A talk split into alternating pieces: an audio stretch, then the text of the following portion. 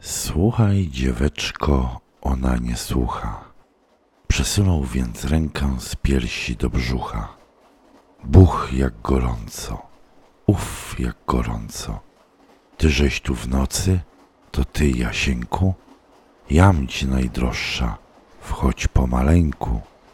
Wszedł w nią powoli, jak żółw ociążale. Ruszył dwa razy, tak wolno ospale. Szarpnęła się trochę, przyciągnął z mozołem. Nogami się zaparł o krzesło ze stołem.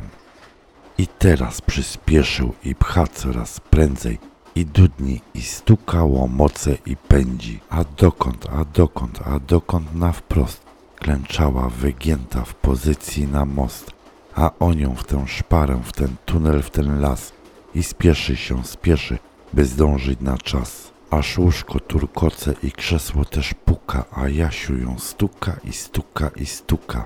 Tak gładko, tak lekko, tak calem za cal wyjmował i wkładał ten narząd jak stal. A ona, spocona, zziajana, zdyszana, poległa na plecach, uniosła kolana. Zdziwiona tym wszystkim, co tu się z nią dzieje.